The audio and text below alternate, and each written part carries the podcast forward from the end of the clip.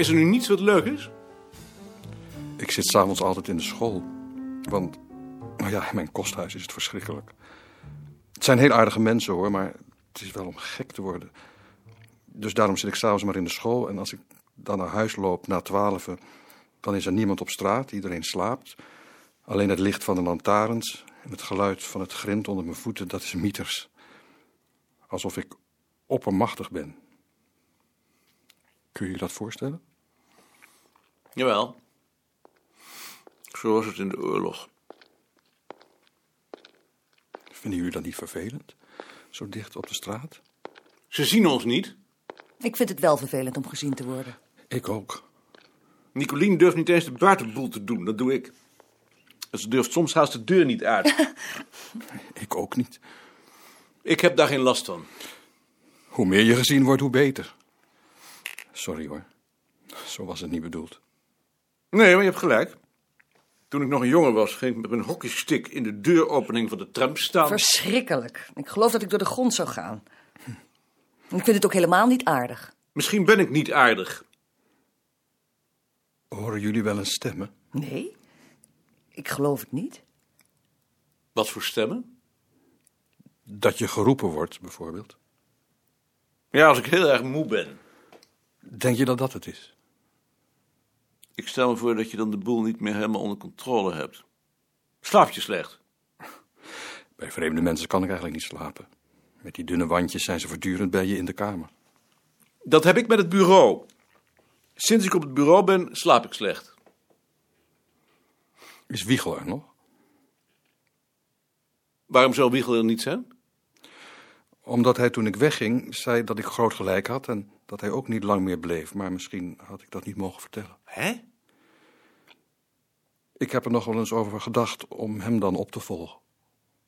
Lijkt me kletspraat. Ja, mij eigenlijk ook. Misschien wou hij alleen iets aardigs zeggen. Ik vind het niet zo aardig. Ik vind hem ook niet aardig.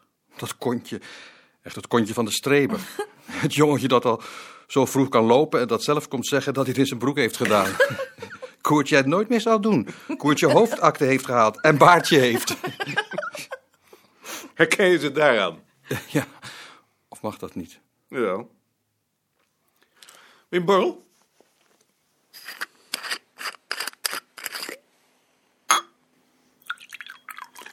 Ik heb tegenwoordig een sleutel. Van de week kwam ik toevallig tegelijk met Van Iperen bij de voordeur.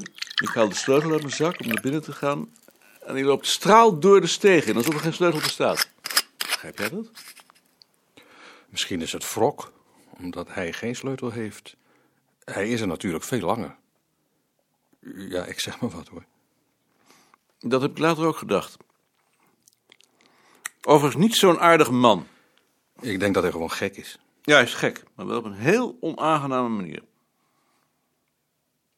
Wiegel. Van Iperen. Juffrouw Haan niet te vergeten. Balk. Meijerink. Slofstra. Mijn god, mijn god, waarom hebt gij mij verlaten?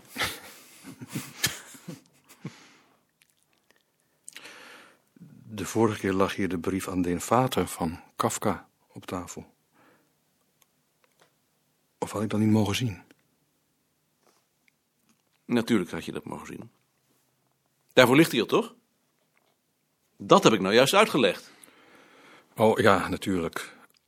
Maar het kon misschien een probleem van je zijn. Ik had willen vragen of ik het een keer mocht lenen. Is het mijn probleem? Natuurlijk is het jouw probleem. Jouw vader is toch ook zo autoritair? Niet zo autoritair. Jouw vader is verschrikkelijk autoritair. Hoe kun je nou zeggen dat hij niet autoritair is? Mijn vader is een heel verlegen, onzekere, geremde man. Die zich geen raad weet tussen andere mensen. Daarom kijkt hij voortdurend kwaad en snuit hij iedereen af. En daarbij doet hij of hij alles beter weet, om er maar zo gauw mogelijk weer van af te zijn. Nou, dat is toch verschrikkelijk? Ja. Maar daarin lijkt hij geloof ik niet op de vader van Kafka. ik weet het niet hoor. Ik heb het niet gelezen. Als je op de vader van Kafka lijkt, dan is dat omdat hij geobsedeerd is door de angst dat zijn zoons zich maatschappelijk niet zullen handhaven. Dat is een typisch tweede generatie probleem. Het enige wat voor hem telt is dat ik een proefschrift schrijf. Professor word. Opklim. Onvoorstelbaar dat hij tegen me zou zeggen... Jongen, wat verwacht jij nou eigenlijk van het leven? Onvoorstelbaar. Ja, dat lijkt me inderdaad niet zo gemakkelijk, zo'n vader. Heeft jouw vader dat dan niet? Nee, eerder mijn moeder. Eigenlijk schaam ik me voor mijn vader, geloof ik. Ik wou je nog vragen of je niet tegen Beerta wil zeggen dat ik bij jullie geweest ben. Hij heeft me een brief geschreven, maar ik heb eigenlijk niet zo'n zin om hem weer op te zoeken. Begrijp je dat? Ja, ja, dat begrijp ik. Ik zal het voor me houden.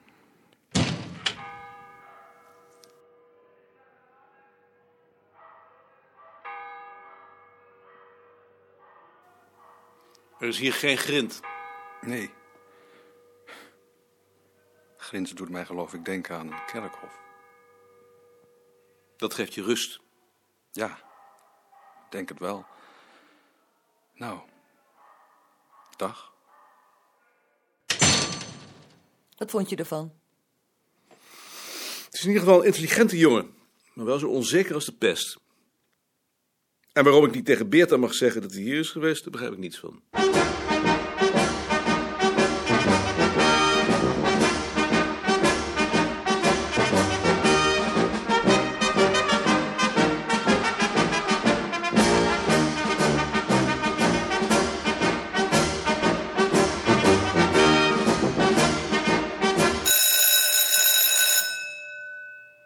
Wat is er met het slot?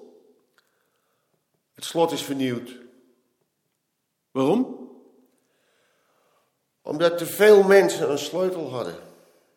Opdracht van meneer Van der Haar. Zo kan ik de verantwoording niet meer dragen.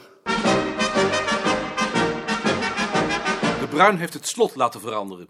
De Bruin heeft zich beklaagd bij Van der Haar, Waarom in godsnaam? omdat hij vindt dat te veel mensen een sleutel hebben. De Bruin voelt zich verantwoordelijk. Maar dat bepaalt u toch? Ja, maar Van der Haar is een machtig man. Mag ik uw sleutel hebben? Wat wil je daarmee doen? Een bij laten maken. Dit zijn sergeantenmanieren. Ik vind dat bedreigend.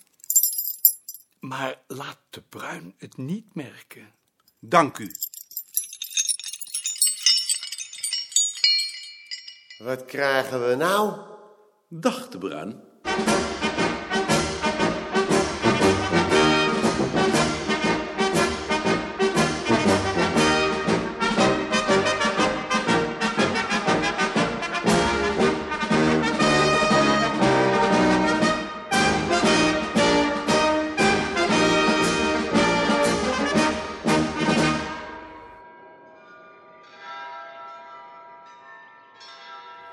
Want ik weet dat in mij, dat is mijn vlees, geen goed woont. Want het goede dat ik wil, doe ik niet. Maar het kwade dat ik niet wil, dat doe ik. Waar staat dat? In de Bijbel, denk ik. Ja, dat begrijp ik. Maar waar? Dat weet ik niet. Romeinen 7, vers 15. Je Bijbelkennis is niet te indrukwekkend. Het is te warm. Heb je het zo warm?